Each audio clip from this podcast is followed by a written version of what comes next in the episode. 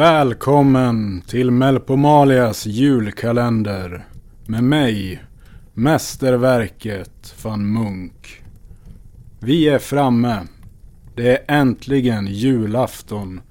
Och vi, jag, Junior och du som lyssnar har tagit oss till slutdestinationen för årets julkalender. När jag väckte Junior ur hans skönhetssömn tidigare ikväll för att gratulera honom på hans första födelsedag så upptäckte jag, ändå en aning överraskat, att Junior vuxit sig utanför stugsängens ramar. Han är till och med längre än mig nu. Vilken resa den lilla halvfiguren har gjort de senaste dagarna. Och nu sitter vi här jag och Junior. Och äter av julbordet som vi knåpat ihop tillsammans denna julafton. Det är eh, dopp i grytan, vörtbröd med russin i, riktig julkorv, det är julskinka och kalvsylta, en fattigmans Jansson, forbondekorv, lutfisken, några ägghalvor har vi fortfarande kvar här. Selsallad. Kokta grisfötter, givetvis. Svagdricka förstås. Lite julöl av olika karaktär. Ett antal egensinniga sillsorter. Inget dekorerat grishuvud tyvärr. Men väl ett björnhuvud som jag hittade i en sopcontainer tidigare i år. Det är sjukt vad folk får för sig att kasta nu för tiden.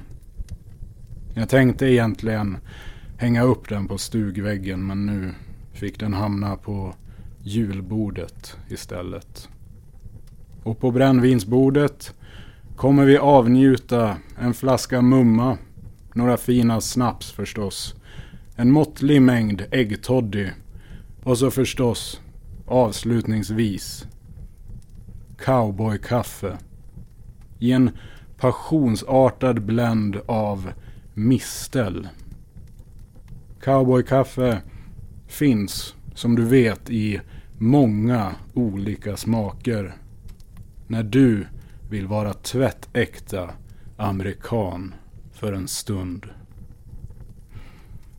Ja, ska vi ta och inviga julen på allvar med en skål då, Junior? En mycket god idé, min generöse mästermunk. Skulle jag då också kunna få äran att hålla ett sorts högtidstal? I all enkelhet på min första födelsedag och allas vår julafton i förenad celebration. Jag, Moritz, önskar dig, Mäster Munk, en god jul och som min gudfar önskar jag att du kan ställa dig bakom mitt beslut att resa världen. Jag har packat allt jag behöver. Min far kommer att vara oförstående. Det är hans sätt att visa kärlek. Men jag anar oro i min barm, Mäster Munk. Han kommer bara att se mig som ett barn. Hans lilla pojke. Och inte den man som du, Mäster Munk, har fostrat och som nu står framför dig. Jag ämnar att resa till alla de platser jag bara sett på blekta vykort. Att leva det jag läst. Att spinna min egen livstråd. Inte bunden till något mer än bara friheten. Jag vill beskåda Medelhavets skönhet. Rida över Monument Valley söka de orientaliska mästarnas visdom och bara njuta av resan självt. Så i denna anda av frihet och på nyttfödelse önskar jag dig återigen, Mäster Munk, en god jul. Skål! Skål! Det var... Det var ett uh, fint tal av dig, Junior. Ja, jag vet inte vad jag ska säga. Jag måste erkänna att mina första intryck av dig var aningen kalla och skeptiska. Men du har verkligen vuxit på mig. Och jag tror även att alla som lyssnar kan hålla med om att du tillfört mycket här i radiostugan. Och jag måste verkligen säga att min gamla manchesterkostym passar dig väl, Junior. Tack för julklappen. Det var så lite, Junior. Det var verkligen ingenting. Hallå! Hallå, hallå! Hej tomtegubbar, slå i glasen. Så, nu var jag här igen! Freidner. ja, jag sa ju det. Det är ju ändå jul. Inte skulle jag låta dig och lillparven fira julafton utan mig. Just det. Freidner. Får jag presentera... Ja, din... eh, Din son. Junior.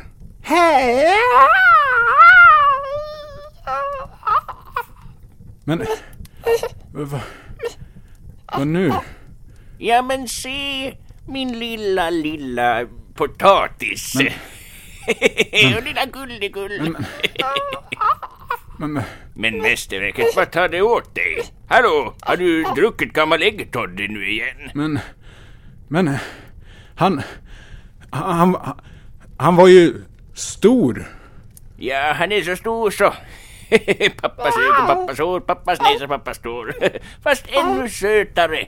Men, men varför eh, har du bäddat ner honom i en stor uh, manchesterkostym? Men... Men... Men... Men... Van Munke. Men... Van Munk, vad har det tagit åt dig? Det, det ser ut som du har sett ett spöke. Har Juniors upptåg tärt på dig så, min vän? Åh, Men... åh, om du ska vara på det där inga viset så får jag väl ta över taktpinnen själv då och leda in lyssnarna. Ja, jag får titta här i produktionsmanus. eh, och uh, Freidners adventlucka. Ja, det är ju jag det ja. ja. Men eh, då så. Ja, men då sätter vi väl igång kassettbandet.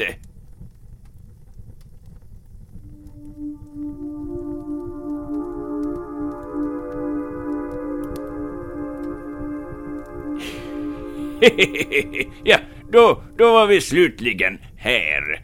Fjärde delen av min minnesantologi, året 1994. Ja, vad hände förra veckan? Jo, jag och sköna Raquel hade lite som man säger vuxenmys. Men snart kommer allt att vända som kull. Intrigen fortsätter nu. Jag och Raquel älskade hänfört himlastormande på sängen i vad som upplevdes som dagar, veckor och hade fortsatt om inte för tre hårda knackningar på dörren.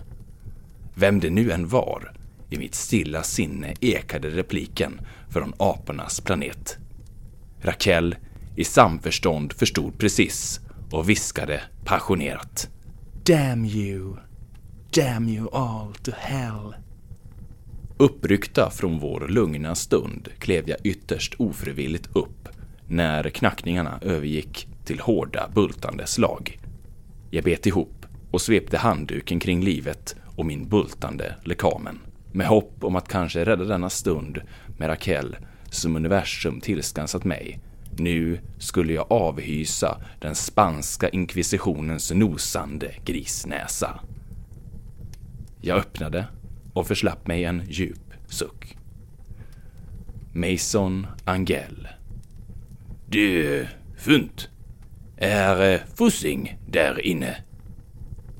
Jag höll tillbaka både Angels fluktande näsa och dåliga andedräkt från att få minsta insyn i vårt lilla kärleksnäste. Nå, har du det? Det har du inte med att göra, svarade jag kallt. Du eh, tror att jag är eh, dum. Det är jag inte. Jag är som man säger... Eh, hm, too cool eh, för eh, skol. Han lutade sig närmare. Stanken tilltog. Raquel eh, leker med dig. När hon tröttnat kommer hon att kasta dig bort. Tro mig, jag har sett det många gånger förut. Det tvivlar jag på, Angel.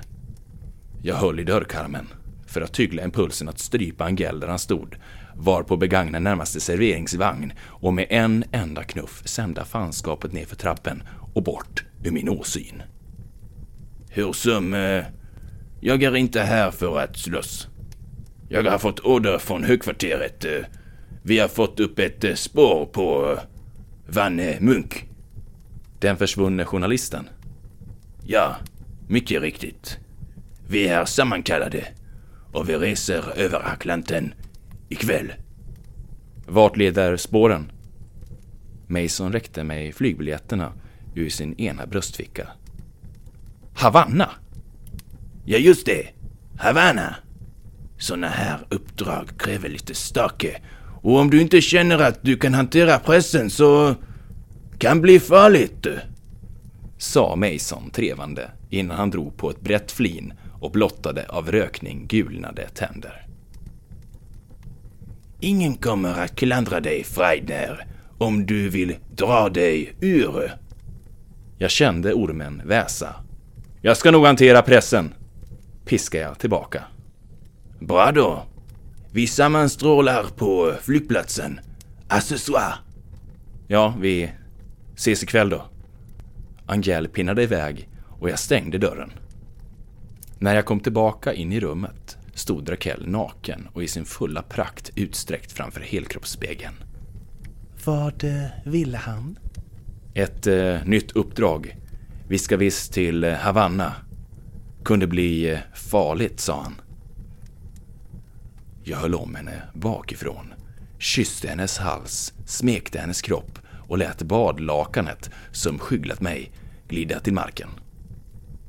Vad händer i Havanna? Sa hon och vände sig för att se mig i ögonen. Det var något.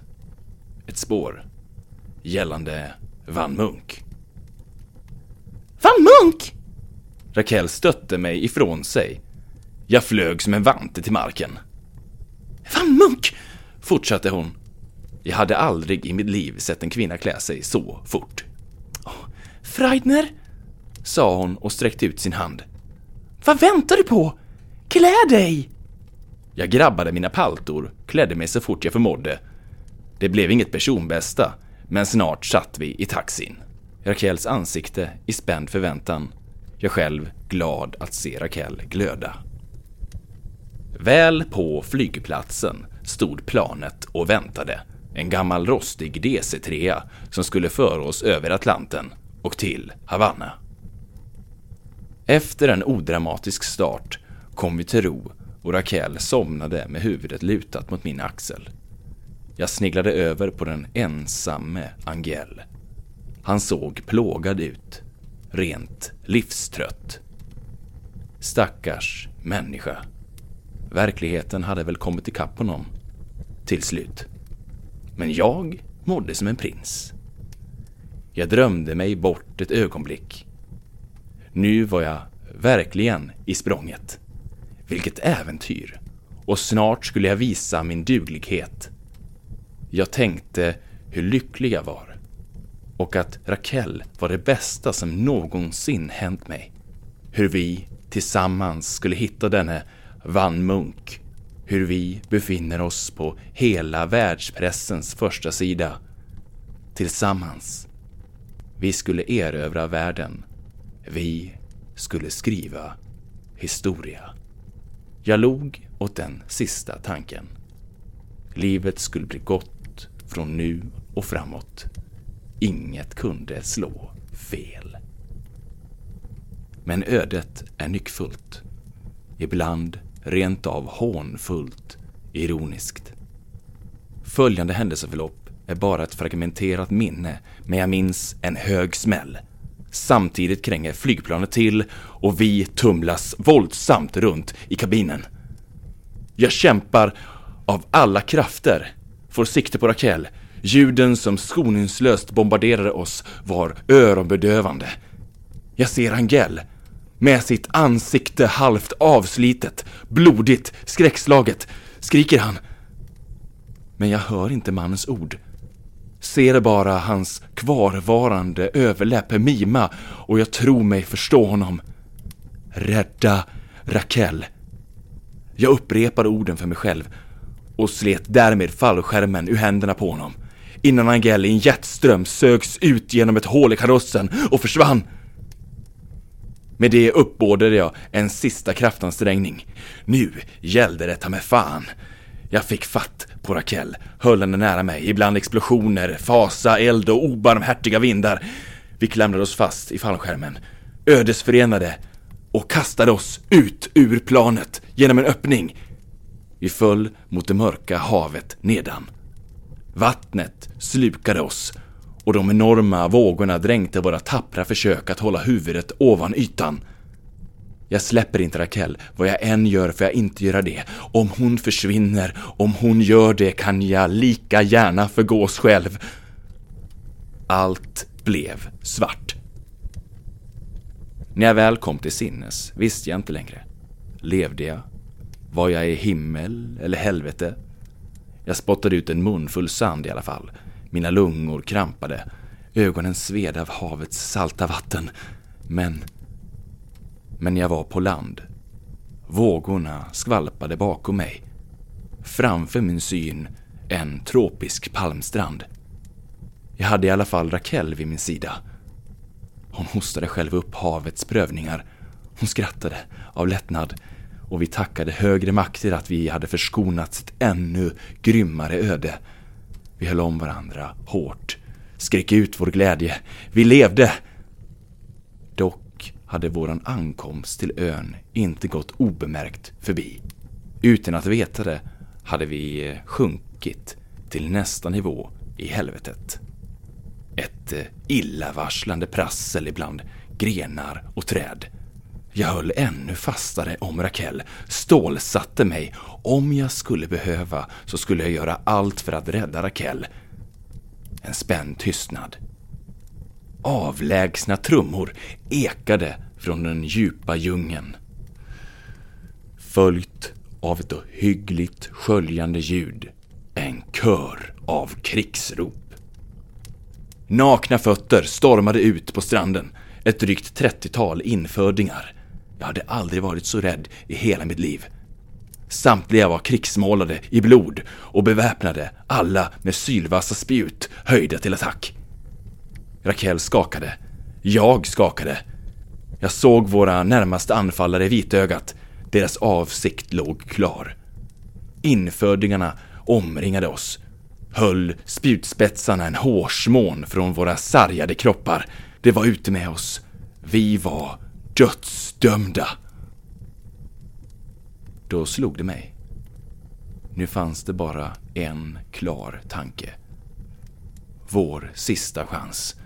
En sak som kunde rädda oss. Jag harklade mig och tog sats och sa de magiska orden. Je m'appelle Freidner Funt et je suis un grand journalist. Mitt namn är Freidner Funt, den store journalisten.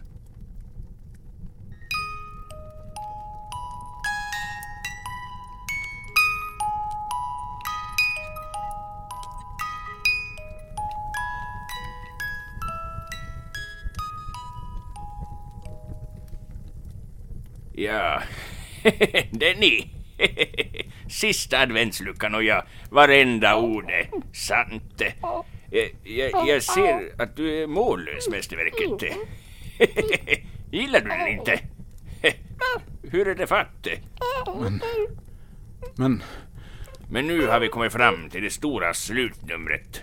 Men innan vi börjar så tänder vi väl det fjärde ljuset. Oj oh, jävlar, nu satte fart. Ja, så här är nu finalen av Polarstationen. Vänta, jag, jag läser här. Del ett av två denna afton. Okej okay då. Eh, här kommer akt ett. Trevlig lyssning.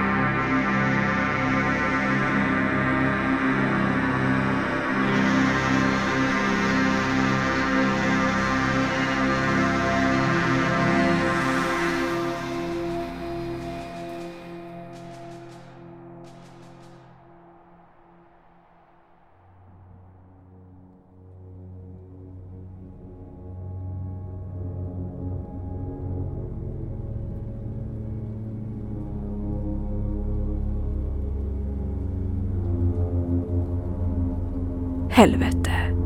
Varför är jag tillbaka i huvudstaden igen?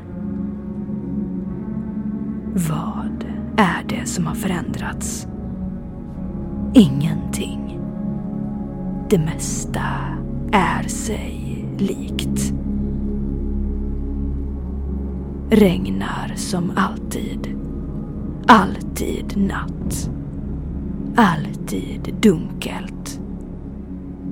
Och exakt samma boulevarder med exakt samma tända gatlyktor. Ja, jag måste vara i närheten av Triumfmonumentet och Segertorget. Men läderrocken sitter illa. Och... Eh, vänta. Det är något som inte stämmer. Jag... Jag brukar inte ha en plånbok. Var fan är det här? Ett fotografi. Det är... Det är fotografiet på mig och mina föräldrar när vi firar jul. Men det är inte jag.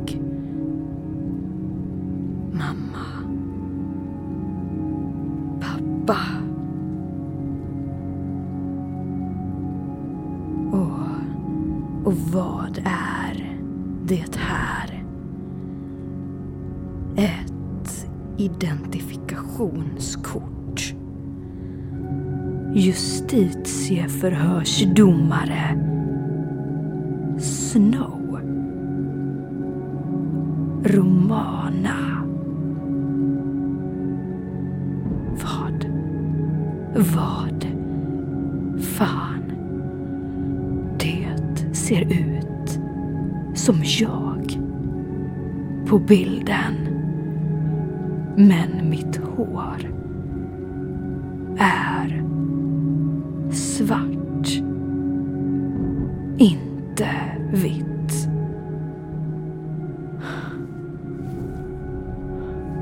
Och helvete. Mitt hår är verkligen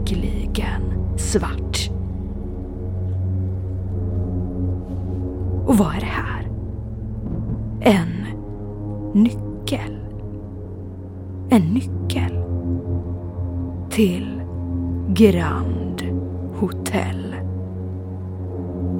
Rum 404. Varför i helvete har jag den här nyckeln? Jag har väl inte så mycket att gå på. Så jag eh, får väl gå dit. Men jag minns inte att jag har bokat något rum på Grand Hotel. Jag minns att jag hade bokat ett möte med doktor de Graaf.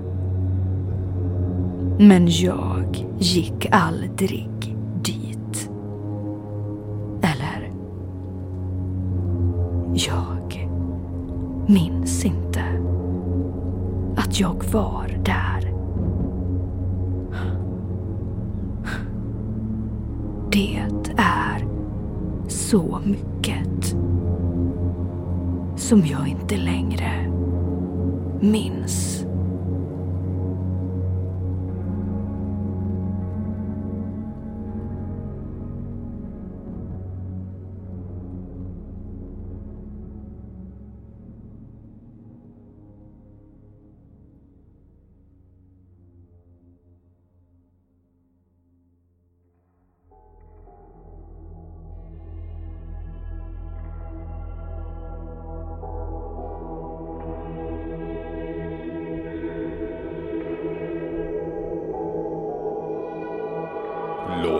Frost.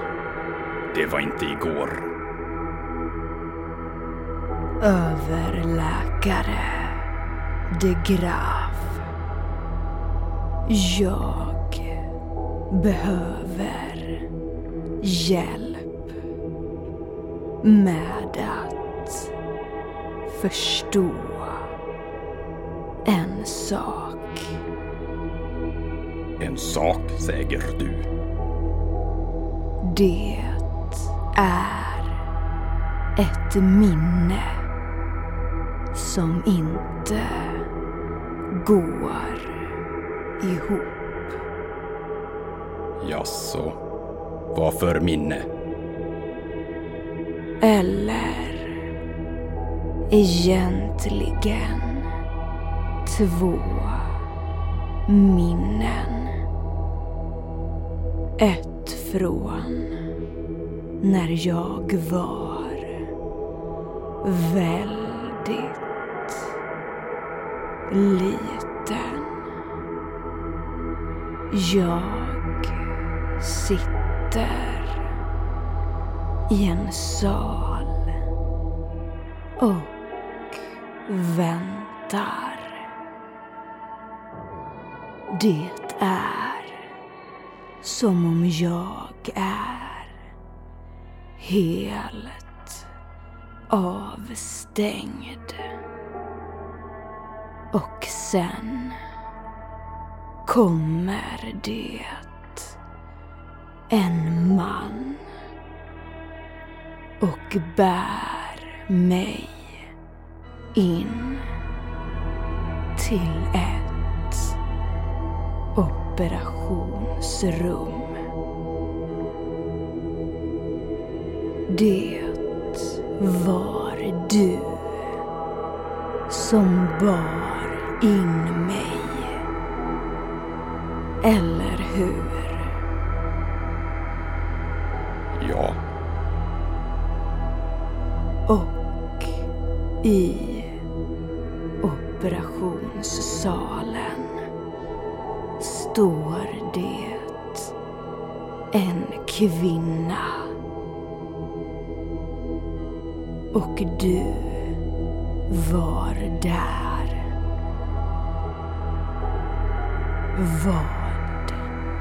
gjorde du mot mig? vad jag gjorde mot dig. Du gjorde någonting. För efteråt så var det som om jag vaknade upp. Vaknade till liv. Ja, det var en ny typ av operation. Vad var det för operation? Det är mycket som jag inte får berätta om din journal. Var är min journal? Hur så?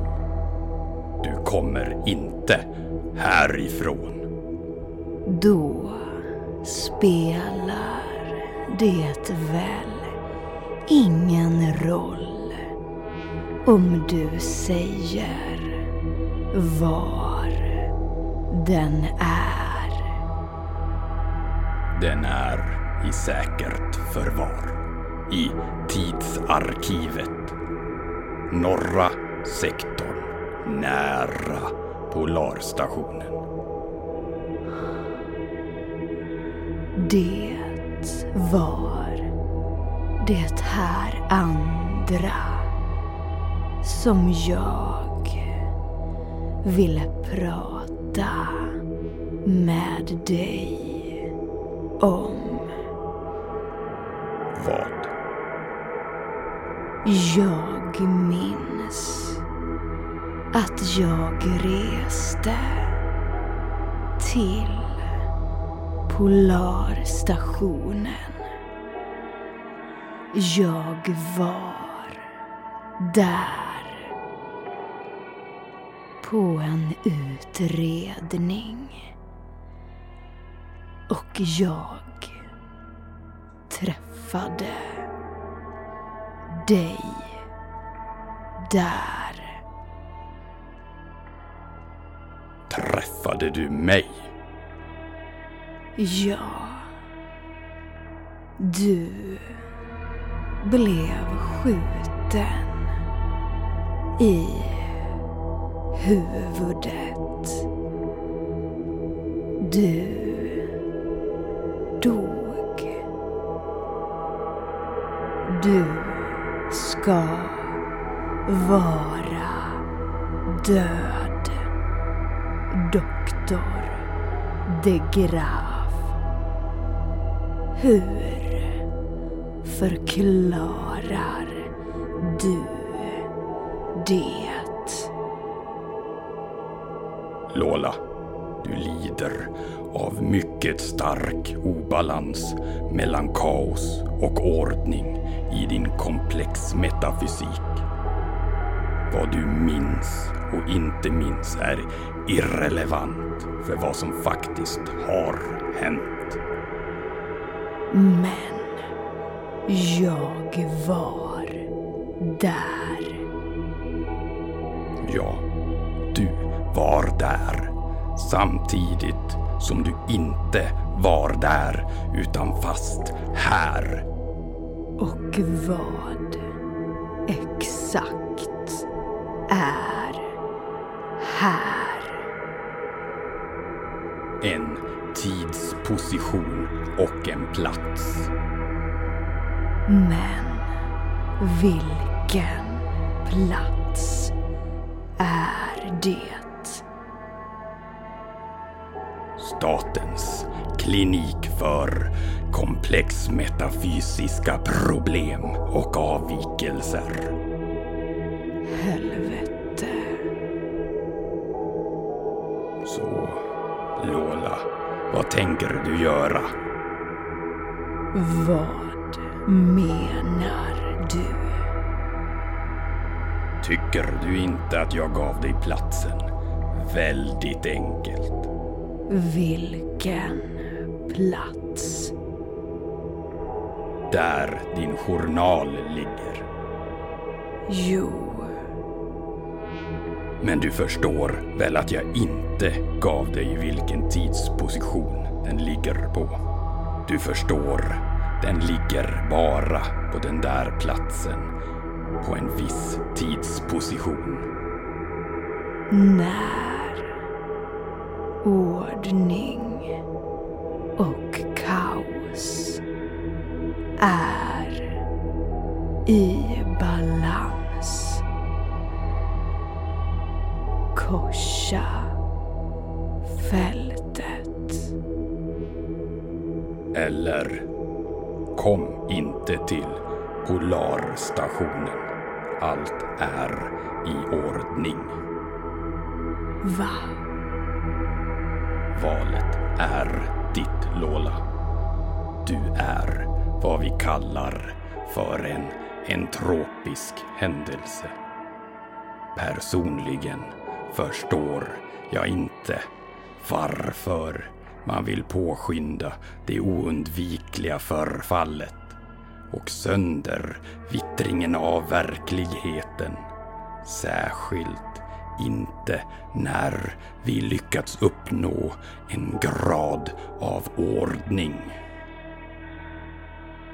Är det vad ni gör mot alla barn som ni opererar på? Skapar ordning. Mer eller mindre bevisligen.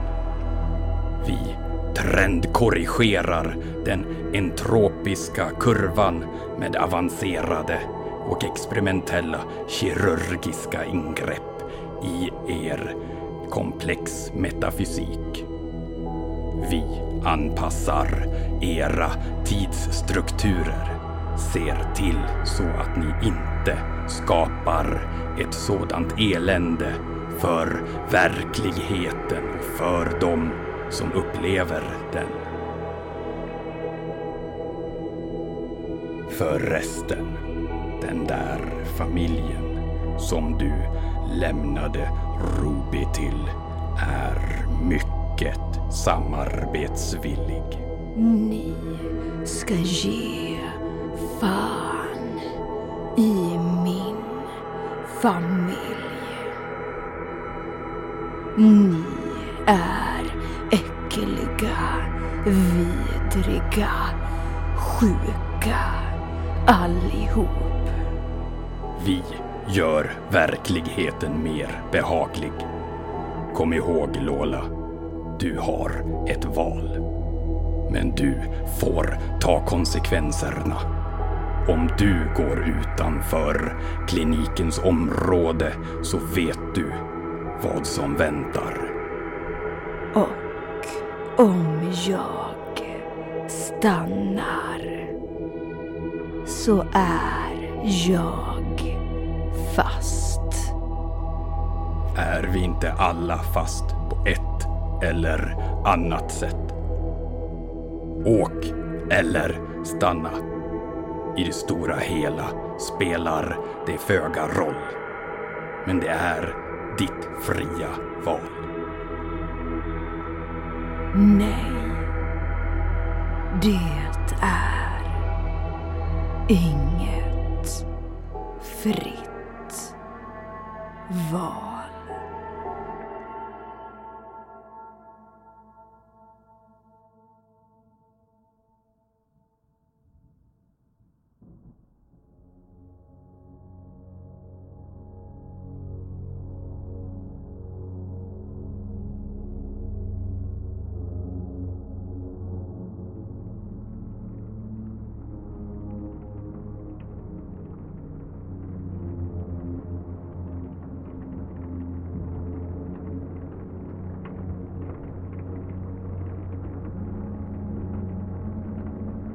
Hotellpersonalen välkomnar mig. Kallar mig för Fröken Snow. Varför är jag Fröken Snow? Jag tar hissen till fjärde våningen. Rum 404. Jag öppnar och det står någon där. Jaha, är du redan tillbaka? Jag antar det. Hämtade du det du skulle hämta? Ja. Eller... Jag. Vad? Vad exakt var det som jag eh, skulle hämta? Ja, jag vet inte. Okej. Är du redo att åka? Var? Men hur i helvete är det, Romana? Vi fick ett uppdrag av staten. Ja. Just det. Ett uppdrag. Från staten. De kanske skulle ha skickat en annan justitieförsdomare ändå. Vi ska söka upp före detta högste justitieförsdomare Lola Frost och hennes kumpan, artisten Cookie Clementine. De tros ha gömt undan den efterlysta journalisten Johnny Edge eller ha information om var han är någonstans. Helvete. Just det. Ja, Lola Frost har synts till på julexpressen på väg mot Polarstation 41. Och Cookie. Ja, Hon verkar ha gått ordentligt under jorden. Ingen av statens informatörer eller infiltratörer har lyckats hitta den där lilla slampan. Och Ruby. Ruby. Lola. Och Johnnys barn. Ja, fosterhemsungen. Det har Dr. de Graaf koll på. Inget vi behöver oroa oss för. Så vad... Vad är planen? Vi åker med julexpressen till Polarstationen, förhör Lola Frost och sen har vi order om att avrätta henne. Avrätta henne. Ja, hon anses vara en statsförrädare och en desertör. Desertör. Hon korsade fältet till... till... de andra. Och Och nu är hon tillbaka. ja, jag vet inte riktigt hur det går ihop. Så hon korsade fältet. Det står så i våra papper i alla fall. Vad är det som är så speciellt med Polarstation 41? Projekt Kronos. Vad är det? Hemligstämplat för sådana som dig. Som alltid. Har du biljetterna? Ja. Julexpressen. Kupé. 404.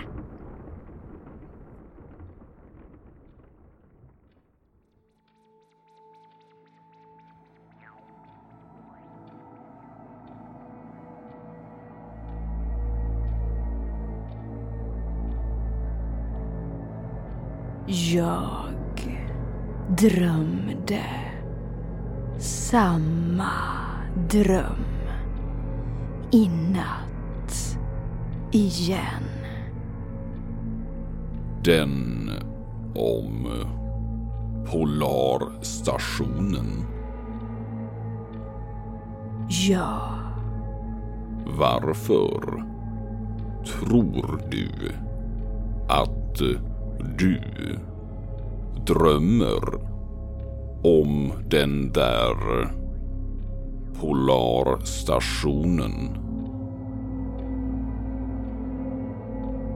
För att det hände något där när jag var vid Kronosblocket.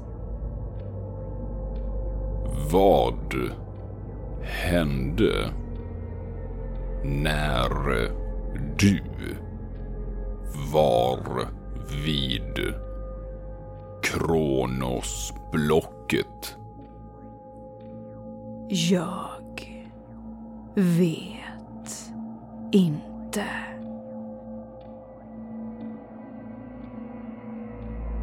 Vad tror du hände?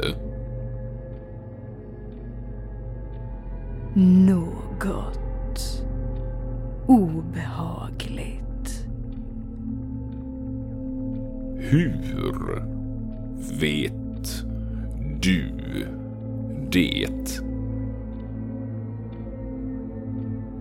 Det känns som det. Och din familj? Min familj. De är inte med. Nej. Eller de var med när jag åkte dit. Men inte i drömmen. Eller så var det just det som var drömmen, Lola. Nej. Men jag... Jag... Jag är säker. Jag är säker på att de var där. Att vi inredde en av bostäderna. Och de tyckte att det blev så fint. De tyckte om hur det blev ett hem. Vårt hem. Jag vet att det var så. Det måste ha varit så. Vi är nog klara för den här gången. Va? Tack för idag, Lola. Doktor Finkelstein. Ja, Lola. Vad är protominnen? Lola. Tiden är ute för idag. Vänta. Vad sa du? Tiden är ute.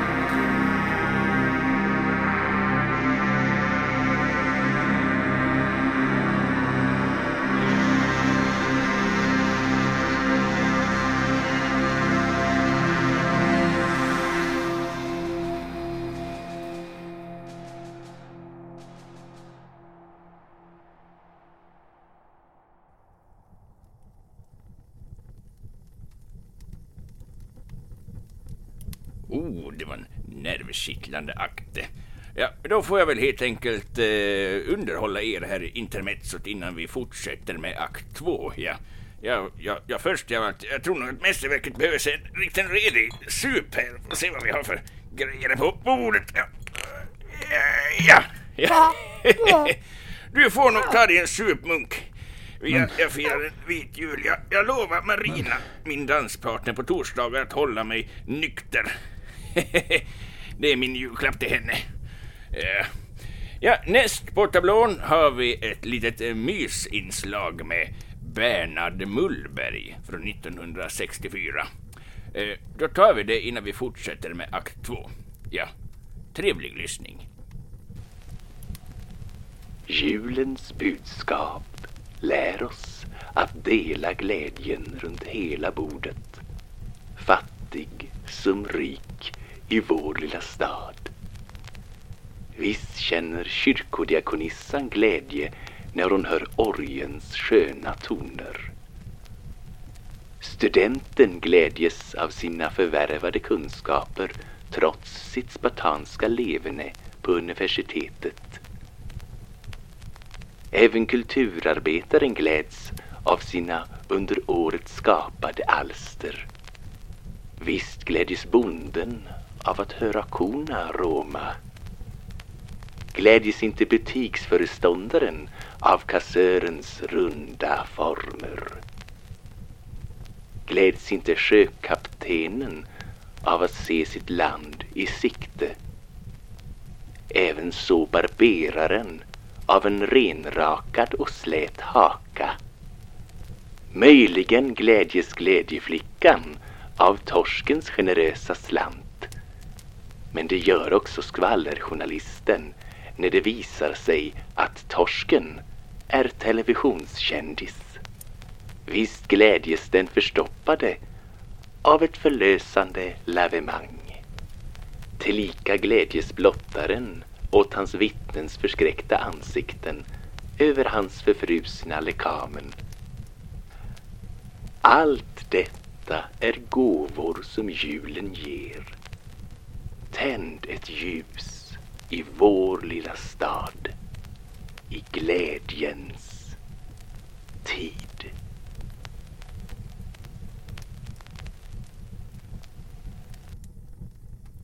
Ah, vad puttenuttigt. Glädjens jul till dig också, Bernhard, ditt gamla spöke.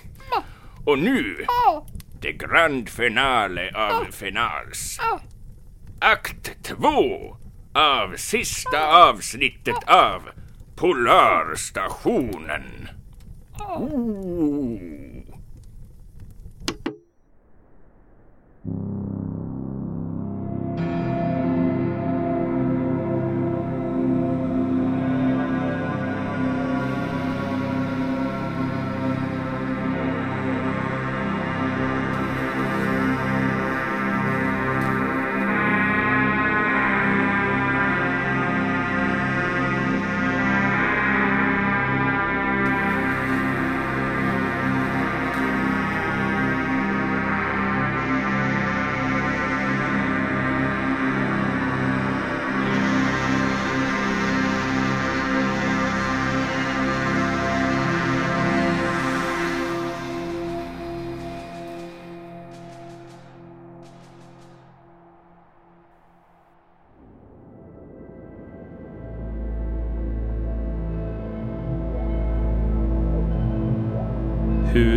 Har du det med sekvenserna idag Lola?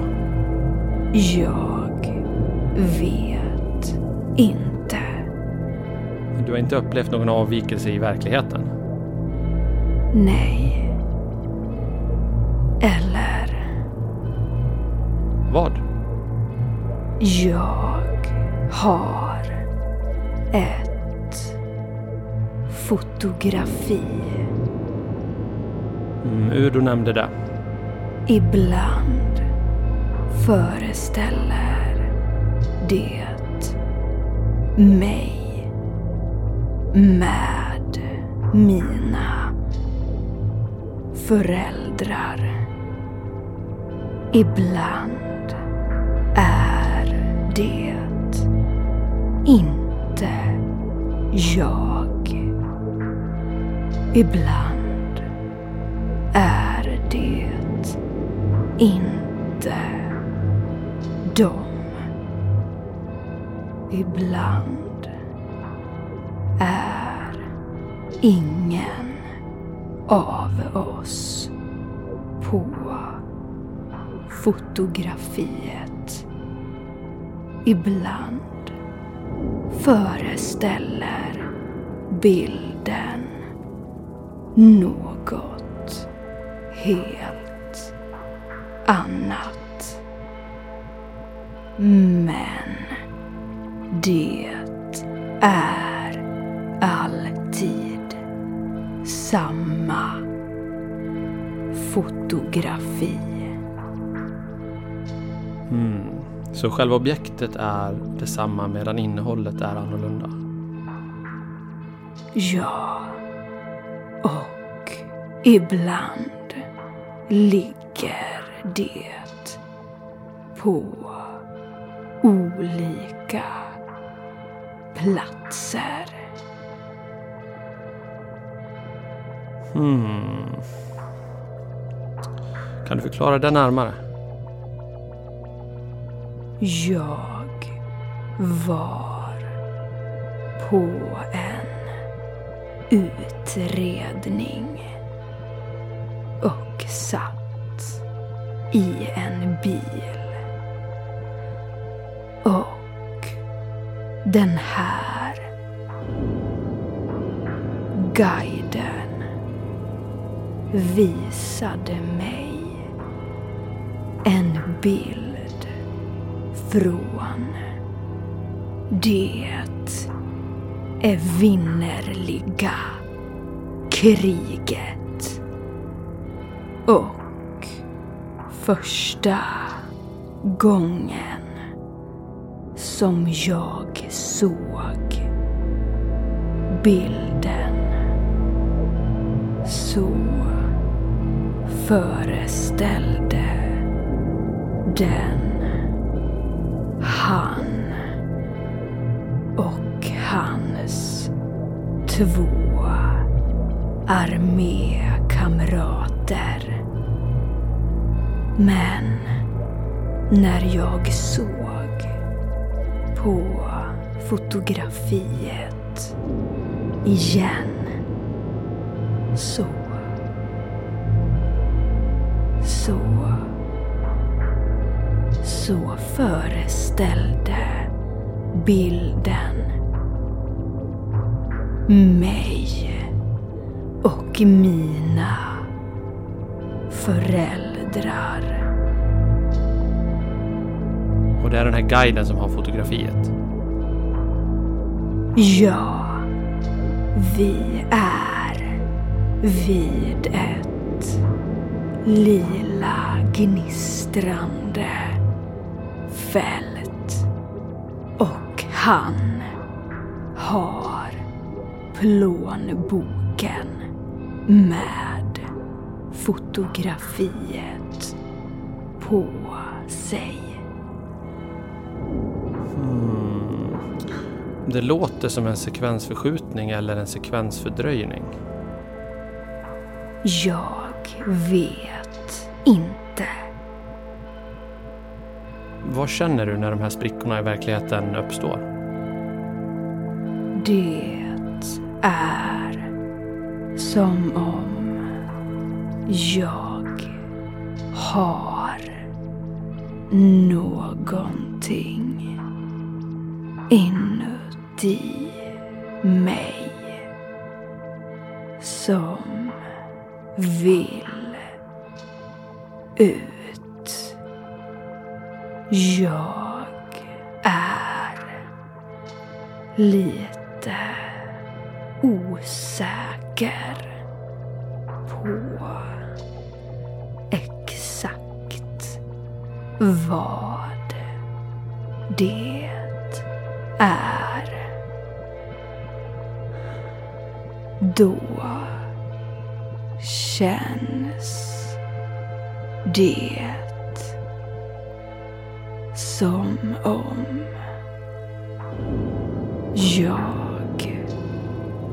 håller på att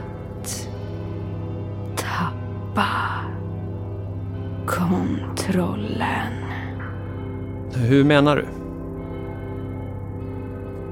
Som att ordningen inuti mig blir störd och det är svårt att eh, förklara. Det handlar om våld.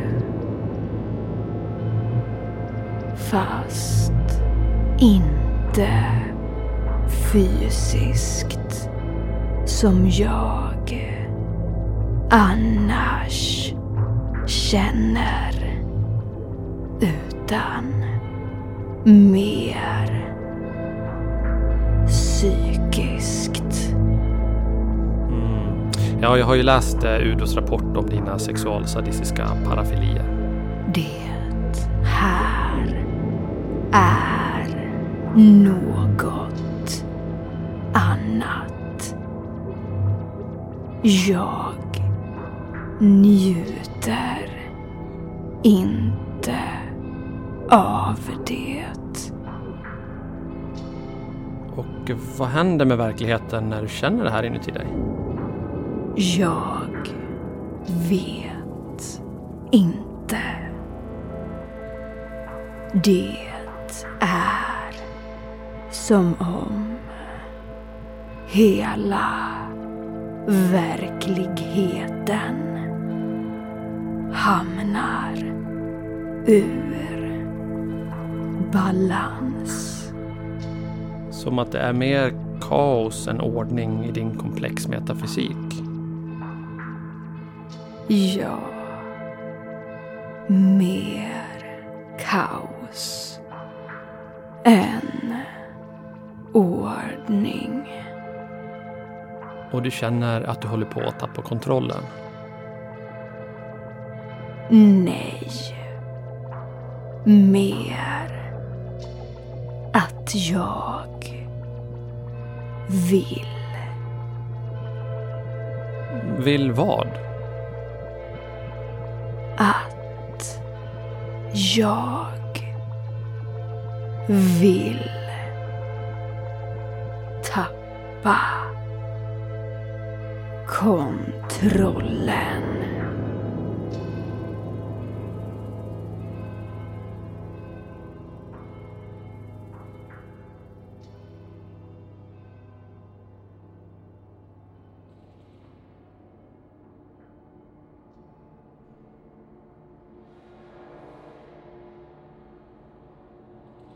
Så det här är den ökända Polarstationen.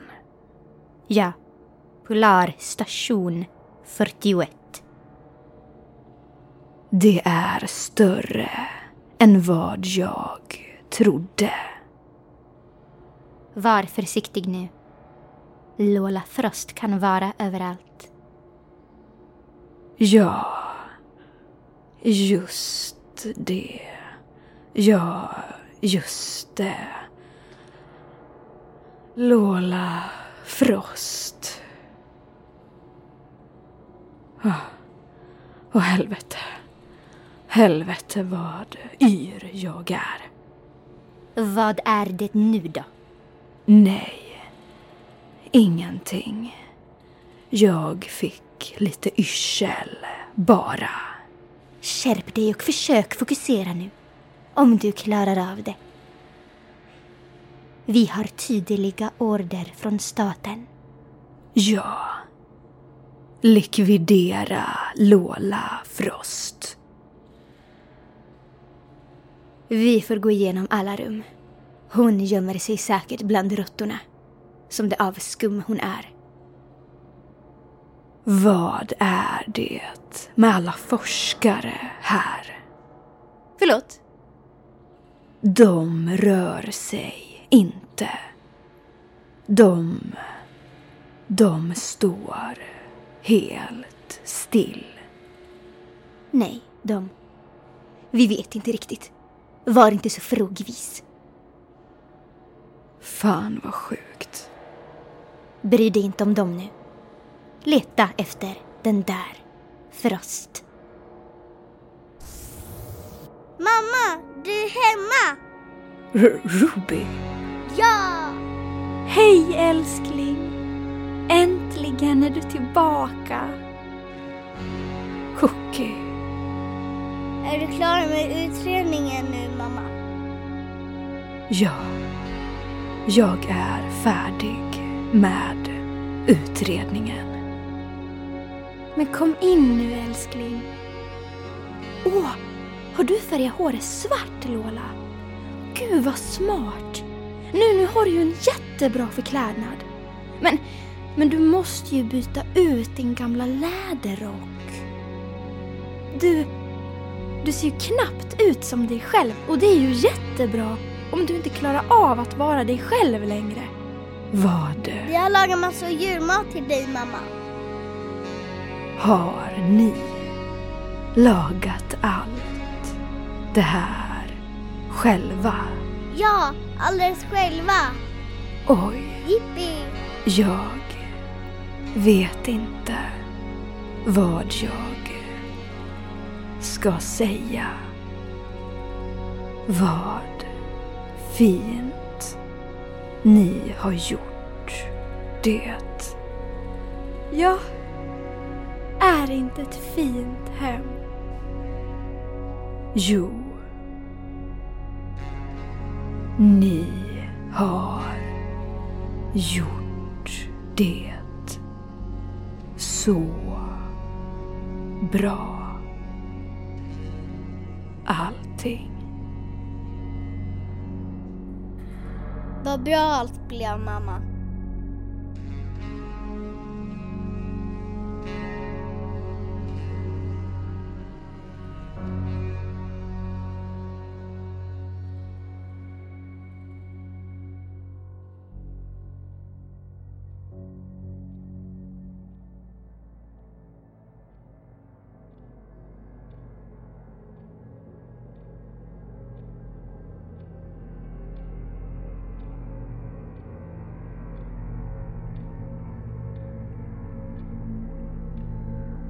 Jag har börjat att utveckla en ny dröm. Eller ett nytt minne. Ett protominne tror jag. Jag är väldigt liten. Någon kommer till mig. Det är inte doktor de Graaf utan en kvinna. Hon tar tag i min hand.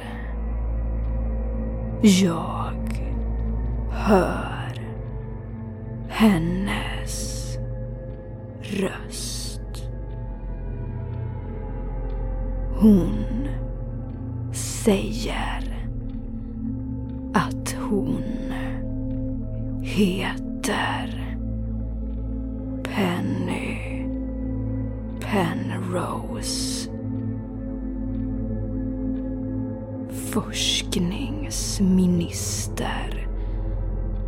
och vetenskapschef vid Statens forskningscenter.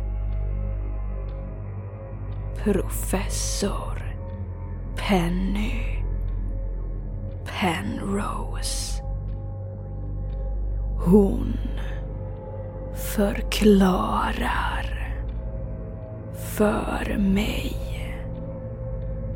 att det här är en del av min rehabilitering efter operationen.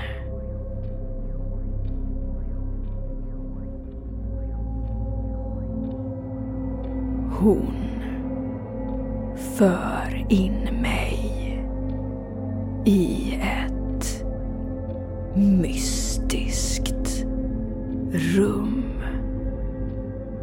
och säger att jag kommer vara ensam ett tag.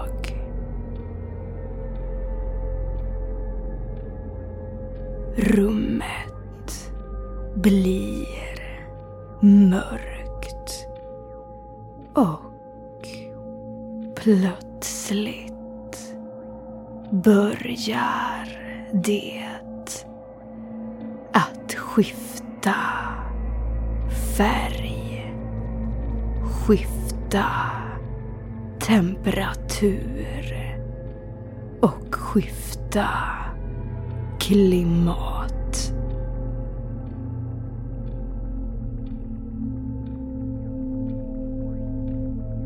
Jag vill därifrån.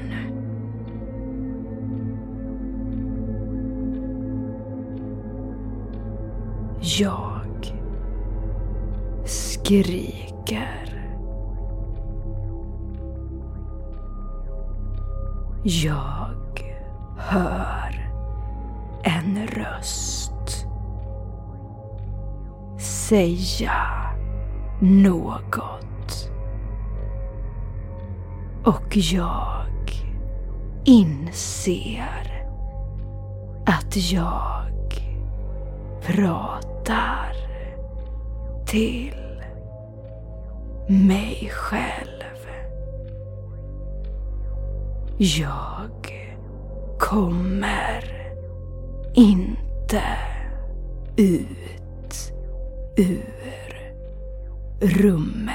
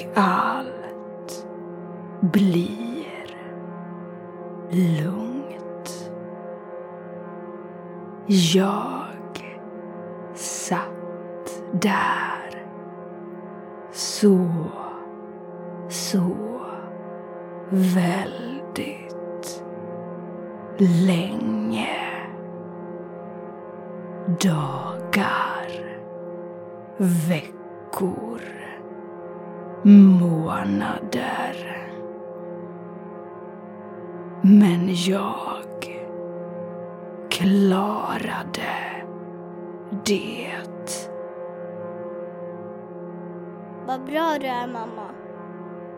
Tack. Min älskling. Jag älskar dig mamma. Jag älskar dig. Mitt älskade barn.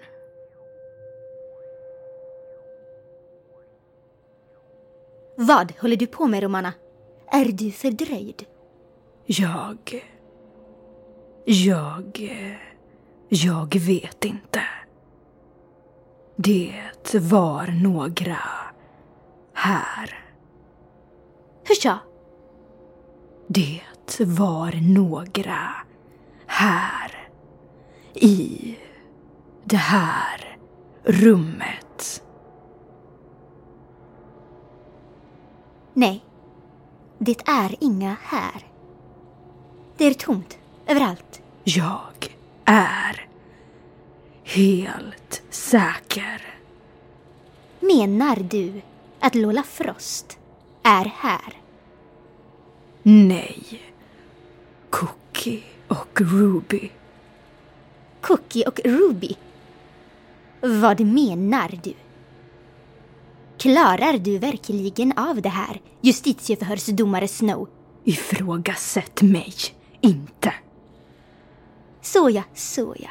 Lugn och fin nu. Jag behöver gå tillbaka till mitt kontor och se så att säkerhetsnycklarna till gravkammaren är i säkert förvar. Säkerhetsnycklarna. Ja, så man kan åka ner till gravkammaren. Där de grävde fram Kronosblocket. Du tror inte att Lola Frost har åkt ner till... till...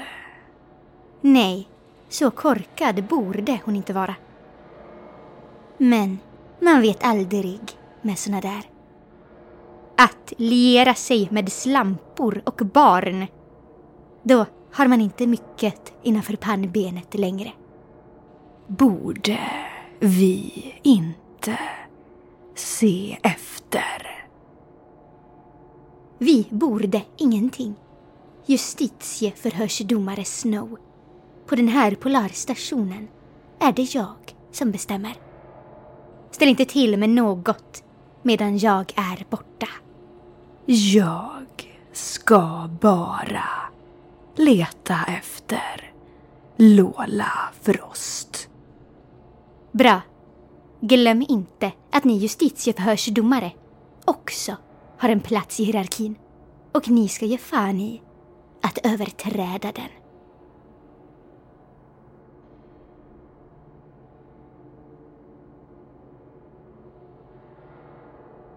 Äntligen ensam. Vad i helvete är det som händer egentligen? Om jag tar mig till gränsen så kanske jag kan korsa fältet. När kaos och ordning är i balans, då kan jag korsa fältet. Men vad i helvete betyder det? Jag måste ta mig till gränsen och se efter.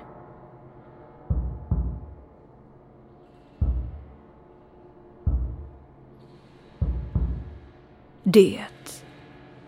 Det var någon som knackade. Men hur? Det ska ju vara tomt här nu. Hm. Det kommer härifrån. Hallå? Hallå? Hallå? Vem? Vem är där? Lola.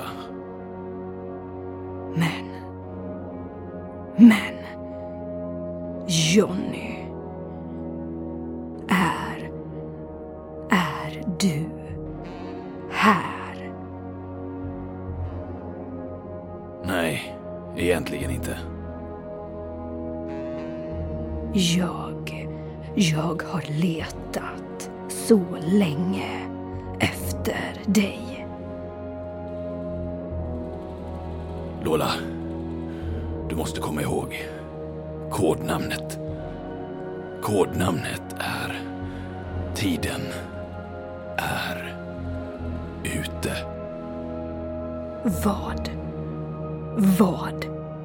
Vad betyder det, Johnny? Johnny? Johnny? Jag förstår ingenting. Jonny! Jonny! Jonny! Vart? Vart tog du vägen? Helvete. Jag måste bort härifrån.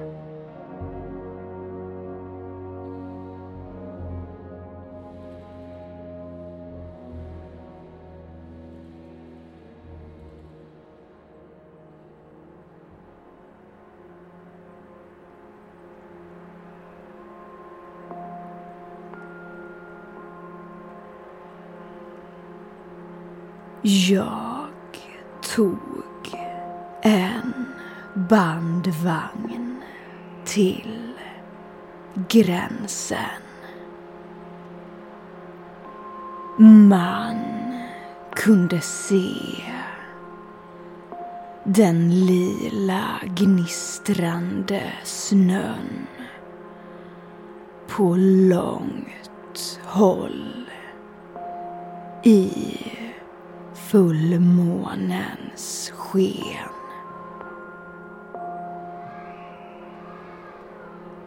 Det stod redan en bandvagn där. Två människor hade klivit ut. De stod och stirrade mot gränsen. Jag smög mig närmare och hittade ett vapen. En Colt Python. I deras bandvagn. Jag tog det skarpladdade vapnet och rörde mig närmare de två människorna. De stod och konverserade om någonting. Stämningen blev hetsigare. Ingen av dem hörde mig. Plötsligt vände sig en av dem mot mig och skrek någonting. Lola Frost, din skurk!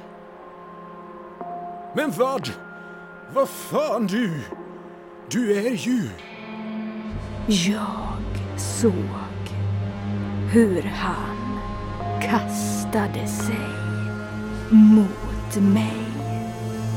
Hur han greppade efter något i sin rock. Så jag sköt honom.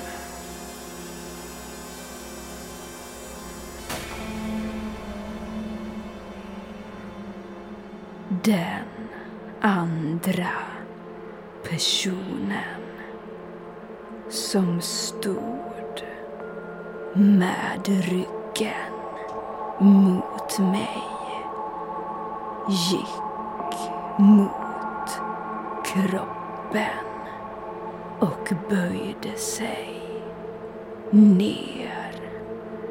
Hon tog upp hans plån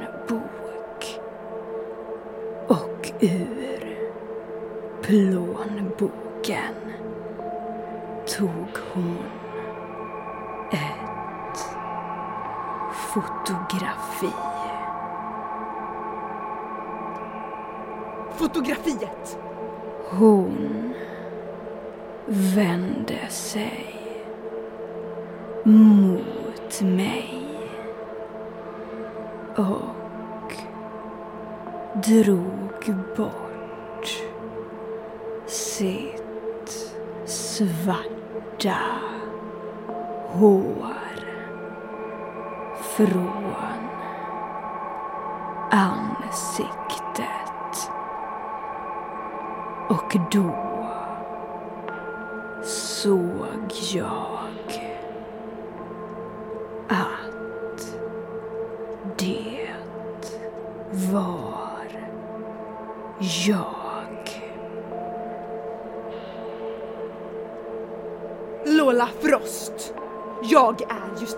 Domare Romana Snow och jag har tilldelats likvideringsorder 404, entledigande av högste justitieförhörsdomaren och jag är dess exekutör. Vad i helvete? Färskingen sprang rakt mot mig. Och det var då jag förstod vad som behövde göras. Vad hände? Jag sköt ihjäl mig själv.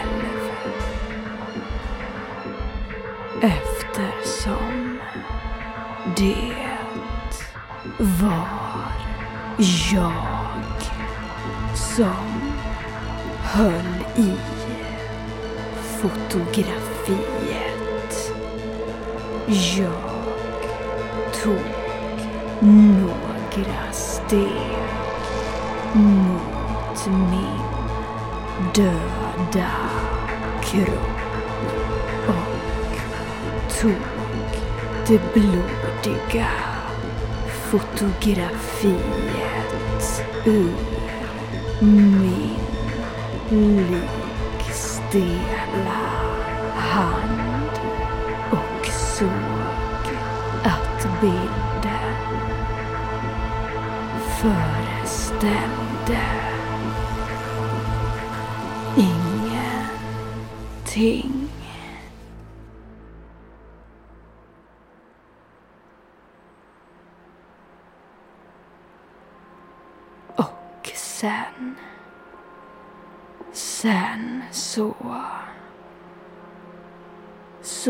Korsade jag det lila gnistrande fältet och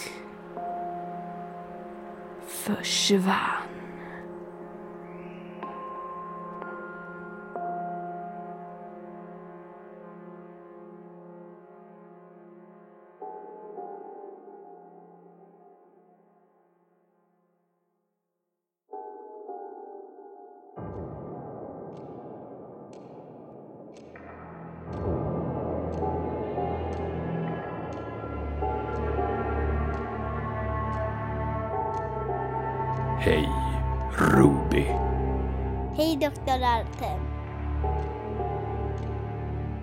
Vill du ha godis?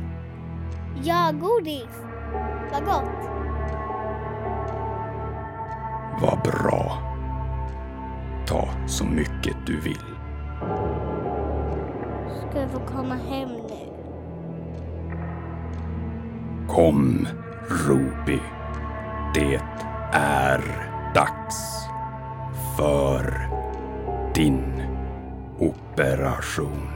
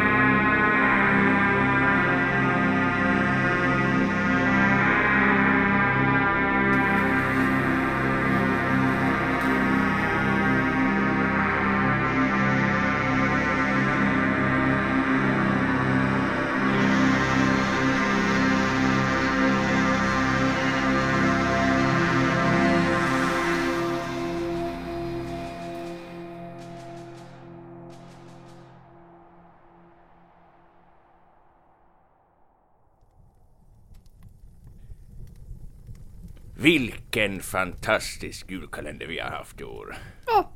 Ja, det vet nog eh, du bättre än mig, lilla, lilla Junior. Ja, du har tyckt om den i alla fall. Och härifrån radiostugan hälsar jag Freudner Funt, Mästerverket och Lilla Junior att ditt högtidsfirande blir varmt, familjärt och högtidligt. Med det vill jag önska från oss alla till er alla. En riktigt god Hjälp. jul. Nej. Hjälp. Mig! Hjälp. Mig!